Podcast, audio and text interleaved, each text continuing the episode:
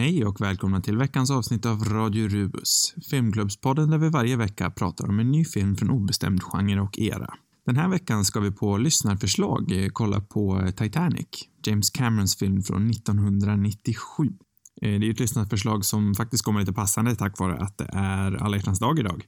Det var inte alls min mening att vara så klyschig, men nu vart det så ändå, så det är väl bara att leva med. En liten klyscha har väl ingen dött av. Det är ju faktiskt en ganska klyschig film i sig själv, så jag tycker faktiskt att det blev väldigt passande. Så- Så mycket mer har jag faktiskt inte att säga den här veckan. Eh, Vi hörs igen i outrot. Eh, Tack för den här veckan. Hej!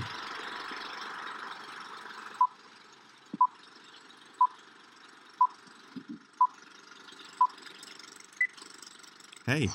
God dag. Idag ska vi prata om James Camerons titaniska film Titanic från 1997. Mm. Eh, vad tycker du om Titanic? Ehm, ja, det är ju en bra film. Mm. Eh, Det kan man inte komma undan med. Och ett rejält spektakel. Både Verkligen. på gott och ont. Ehm, men, men jag gillar den fortfarande. Jag såg den ganska sent eh, på- ändå. Och eh, jag, hade, jag ville väl inte tycka om den första gången jag såg den. För att ja, men jag har en tendens att bli lite sådär anti när någonting är så liksom, tokhyllat. Men jag vart förvånad då hur, hur mycket jag gillade den faktiskt. Så, ja, det är svårt att säga att det inte är en bra film. Liksom. Ja, alltså jag har också gått igenom mina, eh, min, den här perioden då jag, vill, då jag ville ogilla Titanic. Mm. Eh, men det är precis som du säger, det går inte att undvika att det är en enormt tight film trots att den är tre timmar lång.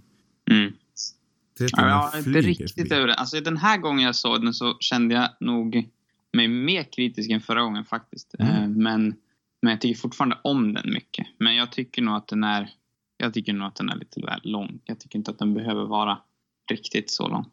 Jag är nog tvärtom. Jag var mer kritisk till den sist jag såg den. det här är ju Mm. en sån där film man har sett ganska många gånger.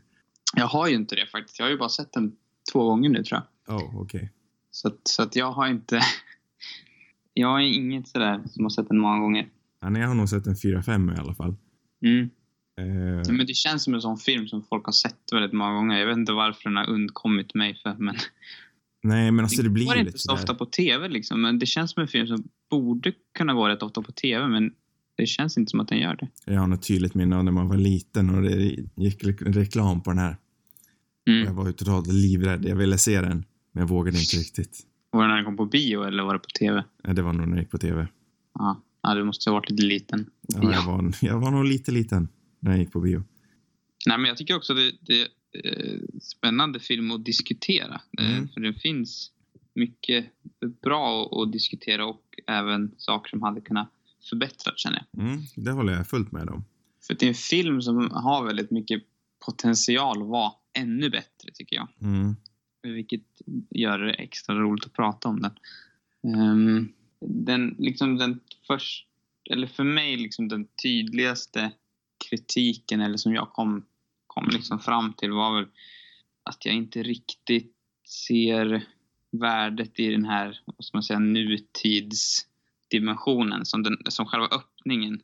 För mig så tillför inte det tillräckligt utan jag tycker att den, det känns liksom ja, men det känns lite överflödigt nästan. Jag gillar inte riktigt intro. Det tar väldigt lång tid innan man liksom kommer in till det intressanta. Och sen tycker jag också att, att den delen är väl den som känns... Alltså resten av filmen känns väldigt tidlös så, men, men den, den början där känns... Ja, men jag vet inte, väldigt, så väldigt mycket sent 90-tal. Och jag har ganska svårt för de här karaktärerna som, som är på den här båten. Det kanske är meningen också, men, men jag vet inte. Jag tycker det känns som en... Liksom, ja, men den stör mig på något sätt. Det känns inte nödvändigt för resten av filmen. Nej, alltså jag håller med dig. Det, hela de här uh, bokens delarna är någonting jag brottas ganska mycket med. För Mm. att jag tycker i dess fundament så är de ändå ganska nödvändiga och de bidrar en ganska fin... Ja men det Mm. bidrar en, ett slags sagoelement till hela handlingen. Mm.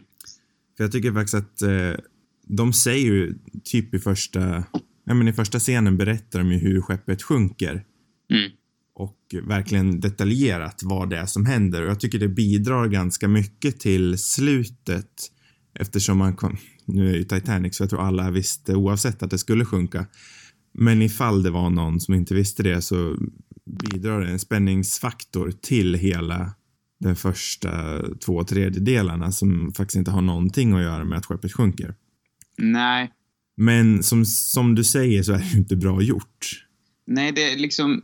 eh, Nej, jag tycker inte den håller samma kvalitet som resten och jag kan förstå poängen med att ha en, eh, en liksom den här nutidsdimensionen men jag tror inte att jag hade velat, i så fall hade jag velat att de gjorde det på ett helt annat sätt. För, för mig funkar det inte utan jag tycker det blir mer av ett störningsmoment och ja, det finns ju en poäng med att ha det i början men det här med att det liksom hoppar tillbaka lite grann då och då. Ja, det känns som väldigt slumpmässigt. De binder sig inte riktigt till konceptet. Nej, Jag tror... nej jag, jag hade gärna sett liksom en jag hade gärna sett en omklippning av filmen där de helt strök liksom den här nutiden och se hur det skulle vara. För jag tror att det skulle kunna vara en, en riktigt stark film och för mig förmodligen en bättre film utan, utan den delen. Jag tror inte att jag skulle sakna det speciellt mycket. Nej, men, men som sagt så brottas jag med hela konceptet med de där äh, scenerna för att jag tycker att de ändå bidrar, i alla fall i början, bidrar de ganska mycket. Sen behöver de ju inte hoppa tillbaka i filmen kanske. För det är väl Nej. bara, det är ju inte många gånger i alla fall. Det är en gång vid en och en halv timme sträcket är jag ganska säker på. Mm. Är det nog fler gånger de hoppar tillbaka? Jo, men det händer någon gång till, det? tror jag. Alltså det, och sen är det också den här, ja men Rose som gammal, hennes voiceover där Mm, några ja, gånger. Ja, det kan de skippa.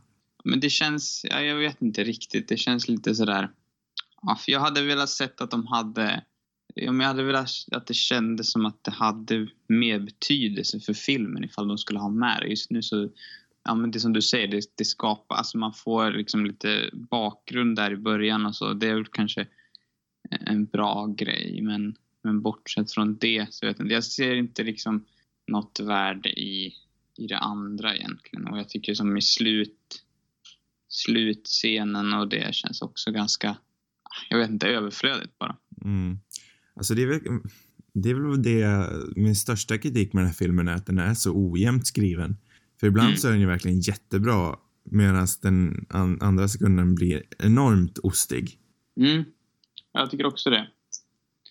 Eh, för att det är liksom, ja, nej men det är verkligen så här skiljer sig för ibland så tycker jag verkligen att det funkar och sen ibland så går de bara för långt. Eh, och eh, ja, jag förstår. Det, det är synd tycker jag. Ja, nej, men för särskilt med dialogen, den jobbar ju väldigt mycket med eh, upprepningar som jag tycker är ganska fint. Jag tycker den är väldigt fint strukturerad. Mer Mm. än vad den är skriven medan den samtidigt har ganska fina grejer i sin dialog också. Jag gillar ju det här hur de jobbar med eh, Don't Let Go. Och Mm. de upprepar det liksom genom hela, det är väl det första de säger till varandra. Mm. I alla fall i deras första interaktion så säger de Don't Let Go och så upprepar de det hela filmen liksom. Och jag tycker det är Mm. ganska fint. Nu är jag lite svag för upprepningar, men nej, jag vet inte. Jag brottas bara med hela manuset. Ja, men där tycker jag ändå det ligger på rätt. Jag tycker inte det blir liksom för cheesy, utan jag tycker det funkar där. Utan där, där håller de sig på, på rätt nivå på något sätt. Och det, det tycker jag också funkar bra liksom. Det är andra... Men det är bara ibland det som det skär sig lite grann på något sätt. Och vissa scener som är också liksom lite over the top. Som också förstör liksom lite helhetsbilden. För att Ja, för de har ju väldigt bra kemi i, i filmen och båda, liksom, både DiCaprio och Winslet är ju väldigt bra i de här rollerna. Och man, i debutroller. ja Mm. alltså det är jag tycker ju att det är en, en, en trovärdig så här, romans på det sättet. Men, men därför är det synd att de har vissa scener som känns, ja, men det blir för mycket på något sätt. Jag vet inte. Ja, Kände också med den här, äh, ja men du vet den här klassiska solnedgångsscenen. Mm. Eh, den känns som den kom så abrupt också på något sätt. Det var helt plötsligt var den där. Det var liksom som att de, eh, jag vet inte, de byggde inte upp tillräckligt bra till den så att, och eftersom den är så otroligt cheesy också så, så och kommer egentligen nästan från ingenstans så, så blir det konstigt på något sätt. Trots det så är den ju ändå ikonisk, så någonstans funkar det ju. Ja, den är ju ikonisk eh, och jag tycker att den funkar om man plockar ut den liksom, om ser den för sig själv. Mm. Men det kändes som att det bara klippte och sen helt plötsligt vart det en musikvideo eller någonting istället. Ja. Det, var, det går väldigt sådär tvärt dit. Jag hade velat sett att de på något sätt hade kunnat byggt upp till den scenen på ett bättre sätt. Eh, Alltså det blir ju tydligt här att allt det som inte funkar ligger ju ändå i romansen. mm, Vilket kanske är lite tråkigt när romansen ändå är det, kanske inte det mest centrala. Det, det är väl kanske det som är problemet också för det känns som att filmen i sig är kluven med vad som är det centrala. Om det är Mm. romansen eller om det är båten som Mm. sjunker. ja, jag tänker att det är romansen som är det centrala liksom. Mm, de delar ju nästan center stage båda två. Mm, Eh, nej men för jag brukar skriva upp lite dialog som jag finner bra eller dålig. mm, Eh, och något som är enormt ostigt är A woman's heart is a deep ocean of secrets. Än så Ja. kan det inte bli. Men sen finns det några, en annan grej jag skrev upp. She's made of iron sir, I assure you she can sink. mm, Jag tycker, det kanske inte den bästa skrivna grejen, men jag tycker ändå att den, hur den eh, levereras och i kontexten han säger det så blir det en väldigt såhär umf, Mm. umf-replik. mm. Nej, oklart på, på manuset alltså.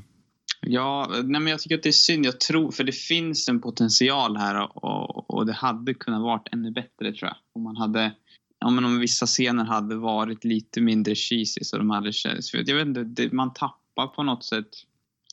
Jag menar, ibland är man ju i det liksom på något sätt men, det- men det blir, när det blir för mycket så, så, så förlorar man liksom fokusen på något sätt. Eh, jag vet inte, det är väl en, det är en svår, svår gräns där att hålla, liksom hålla sig lagom på något sätt. Mm. Men, men jag tycker det är lite av ett problem. Sen Mm. har jag också lite, eh, lite problem med, vad heter han, ja men hennes eh, trolovade. Billy Zane. Precis. Har du problem Inte med honom? Jag tycker liksom han är jätteunderhållande. Vad sa du? Jag tycker han är jätteunderhållande. Jag har inget problem med hur han spelar rollen eller han som skådespelare eller någonting. Utan det är snarare att det känns som... Jag hade velat att de liksom underbyggde deras konflikt lite mer. Varför, varför är han... Alltså vi får ju se att han är jäkligt hemsk under filmens gång. Eh, men, men vad är det som finns? Jag menar hon hatar ju honom redan innan vi får se allt det här. Så jag skulle vilja liksom veta mer vad det är för någonting. Och hon är ju ganska liksom drastiska tanken här i början där hon ska ta livet av sig egentligen. Och, och det känns också som att det kommer lite... Men jag hade velat veta lite mer anledning till varför hon liksom ska gå så långt så att hon ska ta livet av sig. Det känns... Ja, det också. Det Ja, är just dåligt det där med att ta livet av sig själv kan jag väl hålla med om. Sen så tycker jag faktiskt att filmen understryker ganska bra med väldigt lite bara på visuellt språk och den lilla dialogen de får att det där inte är ett bra förhållande och att hon inte trivs alls. Så där håller jag inte Nej, med dig. absolut. Men Eh, men jag tycker, alltså jag förstår vad du menar. Mm. Nej, alltså de, de förklarar, man förstår ju problemen liksom och varför relationen är dålig, det, det är väl sant. Men, men eh, ja, jag hade nog ändå velat sett lite mer av det, kanske lite tidigare, jag vet inte. Eller så, men jag köper inte riktigt eh, att de ska gå så långt på något sätt. Mm. Jag vet. Jag vet inte. Jag tycker bara att man köper riktigt snabbt att Billy Zane är en riktigt opportunistisk skit. En riktig Mm. skithög. Jo, det gör man ju. Jag tycker han är jätteunderhållande. Han blir ju inte bättre heller. Nej, inte alls. Vi har ju den här fantastiska scenen när han tar, plockar upp det här barnet bara för att komma på båten. Alltså fy fan. får- Ja, jag tycker han är jättebra. Ja, Riktigt underhållande karaktär. mm, verkligen. Sen hela, alltså att de faktiskt lyckas hålla han kvar in i tredje akten och de faktiskt ger han någonting. Mm. Alltså att de ger han en, en, eh, ganska essentiell roll. Även då för att visa hur överklassen verkligen, nu är han kanske den värsta av dem, men han visar ju ändå av hur många av dem där betedde sig. Mm. Ja, ja, verkligen. Och och jag tycker att tredje, ska man kalla det för tredje akten eller sista halvan, när båten sjunker. Känns ju nästan som tredje Det är ju nästan det. akten, tror Det är jag. ju nästan sista timmen bara. Mm. Men alltså det är ju filmskapande i mästerklass.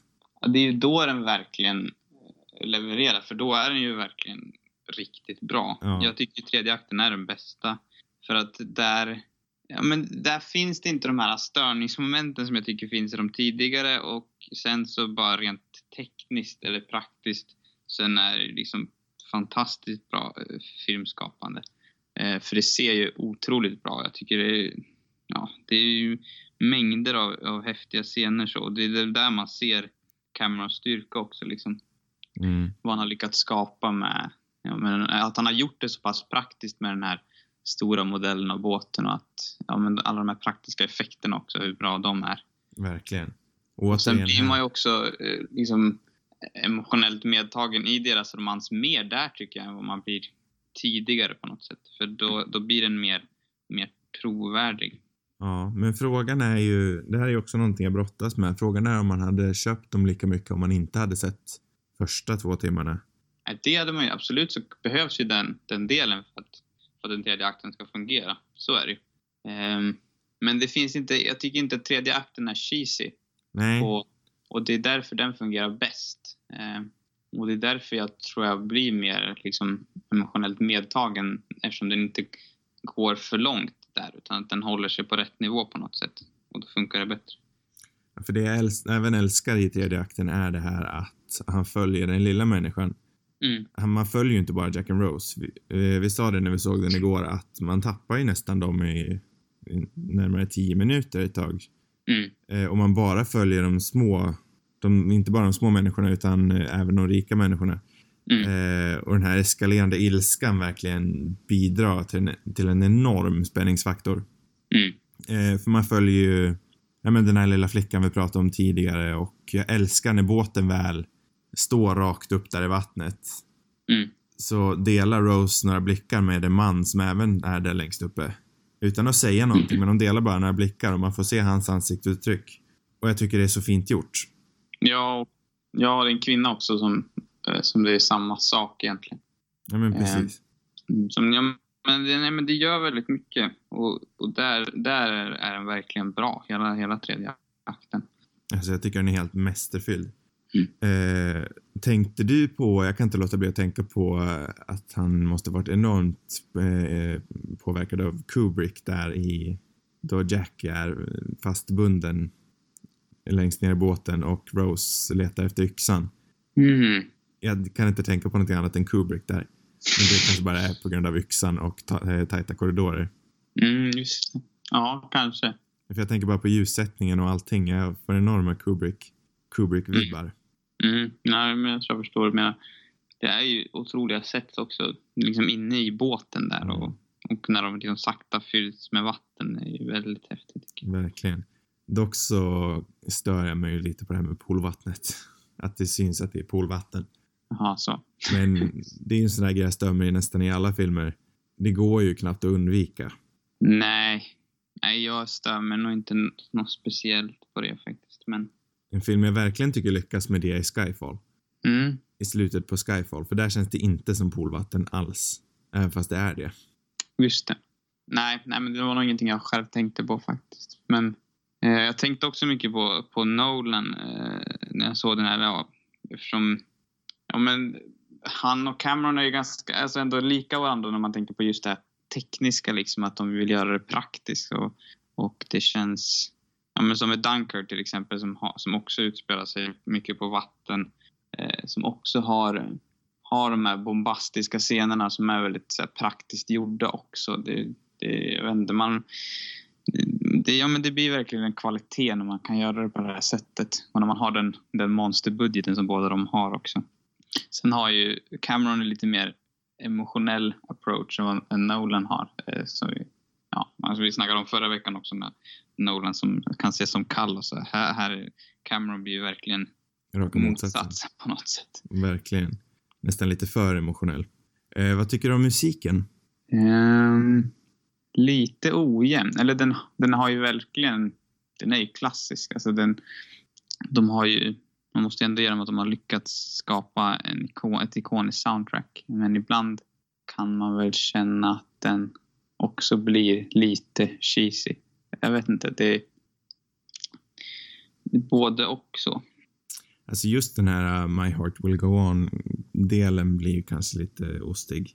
Men alltså jag tycker ändå att resten av, uh, av musiken är ganska effektfull. Ganska minimalistisk ändå. Inte alltför bombastisk. Nej. Nej, men jag, det kanske är att, eh, att de överanvänder den, just den här slingan Ja. lite mycket kan jag känna. Eh, För att den, den dyker upp och det är ganska ofta det känns som att den liksom Ja men den vill säga oss att nu händer det någon, alltså någonting. Ja men du förstår. Mm. Den, det blir lite övertydligt nästan. Ja, jo, det blir det så. Eh, men som sagt, alltså, jag tycker faktiskt att det är ganska bra, bra musik ändå. Jag tycker att jag gillar de här delarna också när, när det är musik som spelas av dem på båten. Jag tycker det är ganska roligt. Både i, eller nu vet inte jag om man ser någon som spelar i början eh, där de har den här middagen typ. Mm. Då spelas det ju ett klassiskt stycke. Men också sen, sen under själva undergången, om man ska säga, när de står där och spelar på däck också. Mm. Eh, det väl kanske lite cheesy, men jag, jag gillar det fortfarande. Jag tycker Eh, faktiskt det är en av de bästa delarna i filmen när de spelar där. Och så övergår man Mm. till, dels så älskar jag bara koncept, jag tror nästan att det var så på riktigt att de stod kvar och spelade musik. Jag kan ha missuppfattat det. Ja, jag tror jag har också för mig att jag har hört något sånt. Eh, men även om det inte är på riktigt så är det en enormt fin touch att skriva. Eh, men även när det övergår sen i ett litet halvmontage till de som Mm. försöker överleva där med en mamma som pratar med eh, sina barn och präst som håller en predikan och jag tycker det är jättefint. Mm. Ja. Och också med de här som går ner med båten på något sätt. Det är också Ja. starkt. Väldigt starkt. Och, Både kaptenen och, och, och en av, heter det, ja, det? han är väl en av ingenjörerna bakom hela båten. eller? Mm, precis. Spelad av Victor Garber. Som alltid är väldigt bra. Just Mm. just de birollerna, alla biroller ändå, tycker jag är väldigt färgstarka och minnesrika. Ja, och också han som, eh, som i slutet med att han skjuter sig själv i huvudet där Mm. är också väldigt bra tycker jag. Ja, du menar han som och, försöker eh, stoppa de fattiga från att hoppa på båten? Eller menar du arkitekten? Eh, ja, han stoppar väl män från att hoppa på båten. ja, precis. Männen från att hoppa på båten. Mm. Han som kastar pengarna på sig också. Mm, precis. Han känner, alltså jag menar, det är någonting... Ja, men man känner sympati för honom. Liksom på något sätt. Ja, så Och han gör är ändå bra bara sitt jobb. där. Va? Ja, han gör ju ändå bara sitt jobb. Mm, precis. Och sen lika han... Jag kommer vet inte, jag känner, man känner ju igen skådespelaren som åker runt och söker kroppar där i slutet. Eh, Han spelade ju Mr Fantastic i de gamla Mm. Fantastic Four-filmerna. just det. Ewan McGrufford eller något sånt där. Känns som jag sett honom i någonting annat också. Men Ja, kanske, han ja. har ju någon tv-serie nu tror jag med... eh, Jo men du, han har ju en tv-serie med, eh, med Anna från eh, Downton Abbey. Jaha. Ja. Man, ja. Han är också bra tycker jag. I, i liksom en liten roll så. Mm. Jo, men alla biroller är väldigt minnesvärda. Sen kan jag ju kanske känna att eh, rollen av Fabrizio blir lite eh, borttappad i slutet. Mm. För han och Jack Jag, jag gillar ju inte riktigt för, alltså det känns, det, den känns liksom väldigt sådär stereotypisk. Jag har lite problem med den. Ja, Eh, Den, den, den känns lite, lite over the top typ. Och eh, som en karikatyr nästan. alltså det är benägen att hålla med om. Men jag är förvånad att filmen inte använder honom i slutet. För han känns som en väldigt billig ma- ett väldigt billigt magslag i slutet med hans död. Men hans död blir nästan lite Mm. bortkastad. Ja, vad är det som händer egentligen? Man ser honom... Ja, han simmar sen så får han en av, eh, en av eh, korsstenarna på sig. Ja, just det. Eh, för, Ja, men det... Nej, det är ingen fin död liksom. Nej, alltså och så ger de han Tommy, ger Ja. de ju en ganska häftig död ändå när han blir skjuten. Just det. Han som egentligen inte är sån stor roll, Fabrizio är ju lite större. Ja. Och jag kan ju känna att det kanske, även fast det du säger är rätt, att den är något av en karaktär, så är jag förvånad att filmen, för filmen är ju inte, anser ju sig själv inte vara över karikatyrer. Eh, så jag är förvånad att de inte gjorde någonting med den, någonting annat med den. Mm. Ja, nej jag vet inte. Det, jag tycker det är bara synd att, de, att han liksom är gjord så på ett, på ett sånt vis. Liksom. Men absolut. Jag hade gärna sett att de hade kunnat gjort honom lite mindre, liksom den här stereotypa eh, amerikan-italienaren. Liksom, det blir väldigt ja, fjantigt och synd. Eh, för det hade kunnat bli en... Jag tror man hade kunnat ta eh, han mer på allvar. Nu blir det nästan liksom som, en, som ett skämt på något sätt. Jag vet inte. Det är väldigt, ja, väldigt mycket karikatyr, tycker jag. Ja. Sen på tal om stereotyper så är mm. det väldigt kul att höra alla svenskar. Mm. Det, det, fast det är de ens svenskar? För de pratar ju lite så här, de pratar som att de inte är svenskar alls. Ja, vissa pratar ju värre än andra känns det som. Olaf, varför gör du sådär Sven? De pratar typ som The Nords i Skyrim. Ja. Lite grann. Det kanske är, kanske är Nords från Skyrim som är med. Ja, kanske. Sen tycker jag det är väldigt kul att de heter Olaf och Sven båda två, precis som i Frost. det är kanske är därifrån Frost har tagit namn. Ja, kanske. Det är som att Olaf och Sven, det är de svenska, det är de enda svenska namnen som finns, eller nordiska namnen som finns. Mm. Jag kan tänka mig att Cameron inte har jättetoppen koll på. På Sverige? Jag tror inte det jag heller. Nej, det är kanske är därför hans äh, vet du, amerikanska italienare också är så slarvigt skriven. Mm. Men han är ju väldigt mycket sådär. Han jobbar ju med ganska breda drag, Cameron, för att förmedla ett kanske större koncept. Jo. Det har han ju alltid gjort. Men i det här fallet blir, blir, det, blir det mest dumt tycker jag. Men absolut. Det funkar bättre med svenskarna. De är, de är mindre, men det är väl för att han har, mindre på fötterna för att skapa sin stereotyp där kanske. Eh, nej men för just det där vi nyss pratade om är ju även sant. Det är ju sant i många av hans filmer. Han är ju aldrig vidare subtil. Det är ju minst sagt sant i Avatar också. Mm. Eh, sen kan jag väl tycka att första Terminator, eller båda Terminator-filmerna är faktiskt ganska subtila tycker jag. Så han mm. har ju absolut jobbat i båda. Ja. Men just i de här stora breda filmerna, där gillar han ju att jobba med lite bredare stereotyper för att förmedla just ett större koncept. Ja.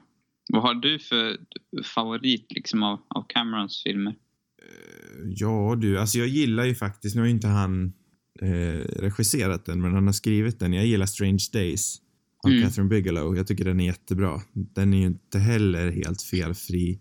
Eh, kanske inte bäst ur ett P PK-perspektiv, men jag tycker den är väldigt bra. Mm. Eh, sen så gillar jag, om man ska välja en, en, film han har regisserat, så älskar jag första Terminator. Mm. Jag är ju en sån där som föredrar första Alien över Aliens, så jag kan ju inte säga att jag gillar den. Eh. Nej, jag, jag har ju sett de två första bara och jag förstår. För mig är ju den första på en helt annan nivå. Jag förstår inte riktigt. Nej, jag har aldrig heller gjort det. Den andra. Även om det, det är ju en solid film liksom, men, men den är ju väldigt Cameron. Och ja. den första är någonting helt annat tycker jag. Eh, och jag känner ju lite likadant med Terminator och Terminator 2 som han har regisserat båda två. Mm. Eh, där tycker jag att första Terminator är mycket, mycket bättre. Mm. Men jag föredrar nog bara den här lite mindre avskalade thrillertonen över den bombastiska, eh, bombastiska, bombastiska actionfilmen. Mm. Nej, jag vet inte vad jag själv har för favorit. Jag är väl inget stort Cameron-fan så, men jag tycker, jag tycker ju i så fall kanske Ja men Terminator, den första, är ju, det är ju en bra solid film liksom. Eh, jag är inget fan av Avatar, även om jag borde se om den. Eftersom jag bara sett den en gång. Ja, men jag har inte sett den sen Då föredrar jag ju Titanic helt klart. Ja, jag med. Alltså det går ju inte att undvika att det här är en bra film. Jag tycker absolut att det här är en av hans bästa. Mm. Sen kan jag ju kanske tycka att Cameron är lite väl hyllad. Mm. Fast egentligen är han ju inte det, för han är ju, alltså, som man ser i slutet på den här filmen, han är ju en regissör som är ingen annan. Nej. Det finns jag tycker att det är så roligt med, med Titanic också, för att det är ju verkligen en film som har, ja men den är ju både överskattad på sätt och vis, på samma gång som den är underskattad. Det finns ju vissa som höjer den kanske lite väl högt eh, och sen finns det de som som verkligen traggar ner på den som, inte, som jag tycker är ganska obefogat. Liksom. Det känns mer som ett mm, ja, men att man är inte, ja, men att det är ett hat mot framgången i princip. Eh, ja, även om jag kan förstå om folk tycker det är väldigt cheesy och sådär. Men... Jo men det pratade vi om själv också. Man blir ju lätt lite sådär, ja men man vill vara lite anti det som är populärt. Det sa vi ju själv i början. Ja. Men det går ju, alltså jag tycker faktiskt inte att det går, fundamentalt så går det inte att att eh, säga att det här är en dålig film bara eftersom att den sista akten är så stark. Ja, Den är ju mästerfylld. Jag hade förstått om man sa det om man bara såg första två tredjedelarna. mm, jo, ja men det kan jag också göra. Sen så, jag har, alltså Cameron har ju gjort väldigt mycket för utvecklingen också. Även om inte jag gillar Avatar så har han ju, så han har ju verkligen gjort någonting för, för industrin med den filmen. Liksom, eh, den är ju verkligen, han, han, han uppfinner ju tekniken liksom för att skapa sina filmer i princip.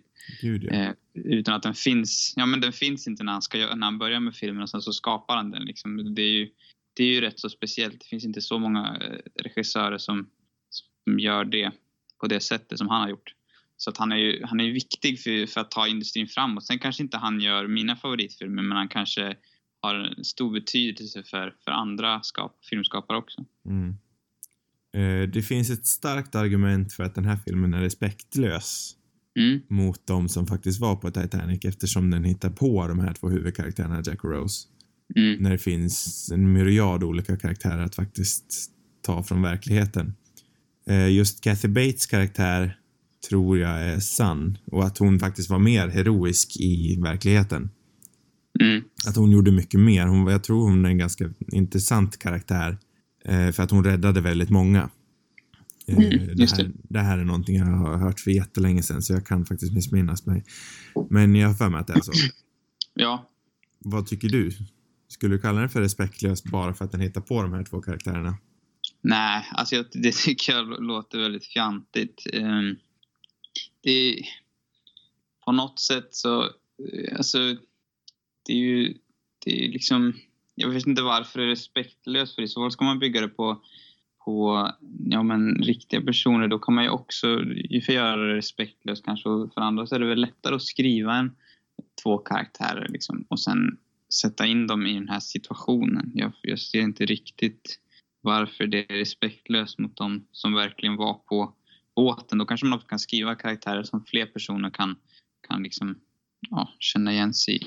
Mm, precis, hade man hittat det- på, eller hade man tagit två karaktärer, det blir ju en jävla balansgång bara för att hålla dem, alltså för att ha respekt för dem också.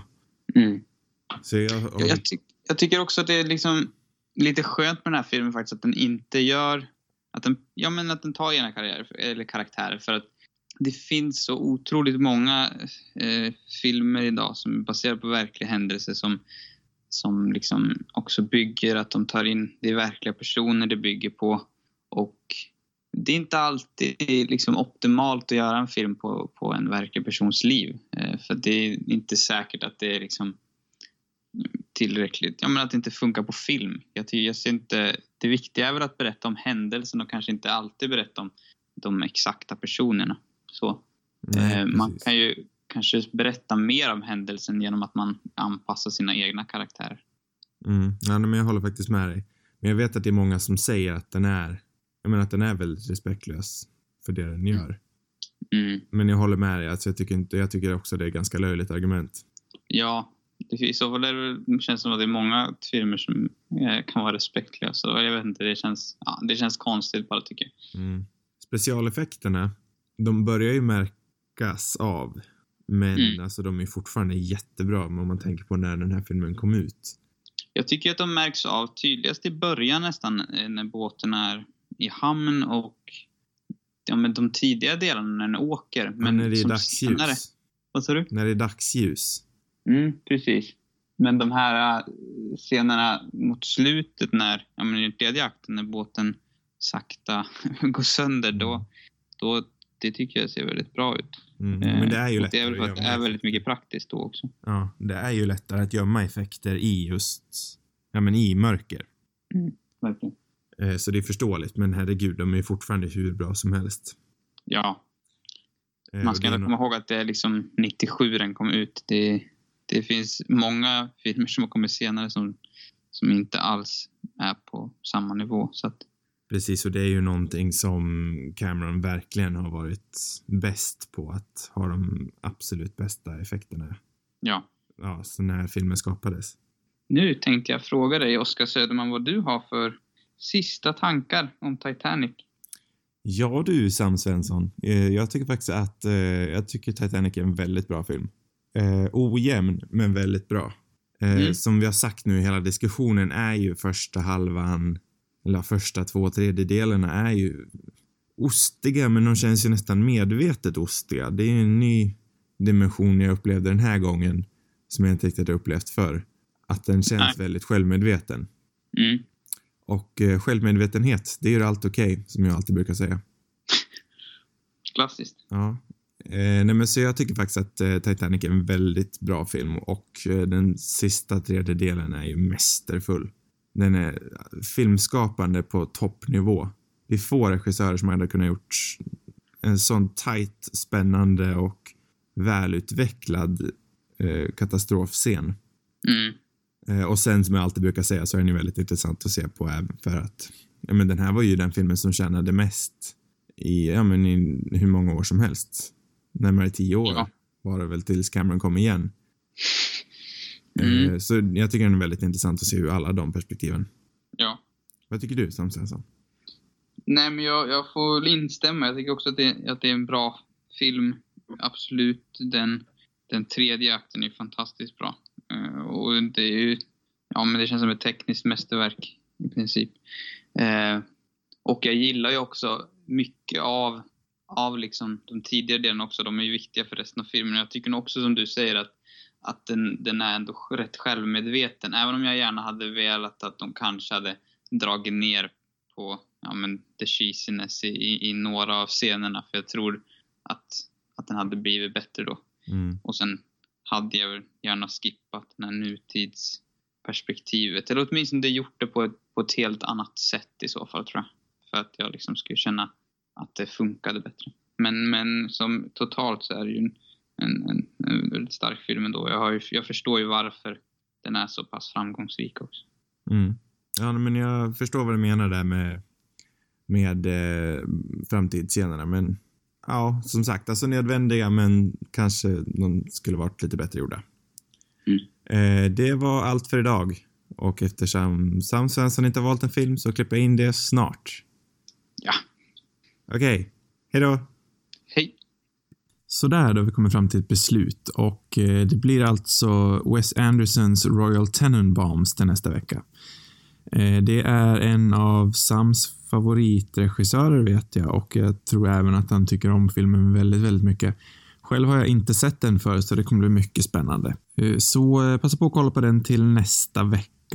Fler avsnitt av Radio Rubus hittar ni på cinemarubus.com. Där brukar jag även skriva lite titt som tätt om film och TV.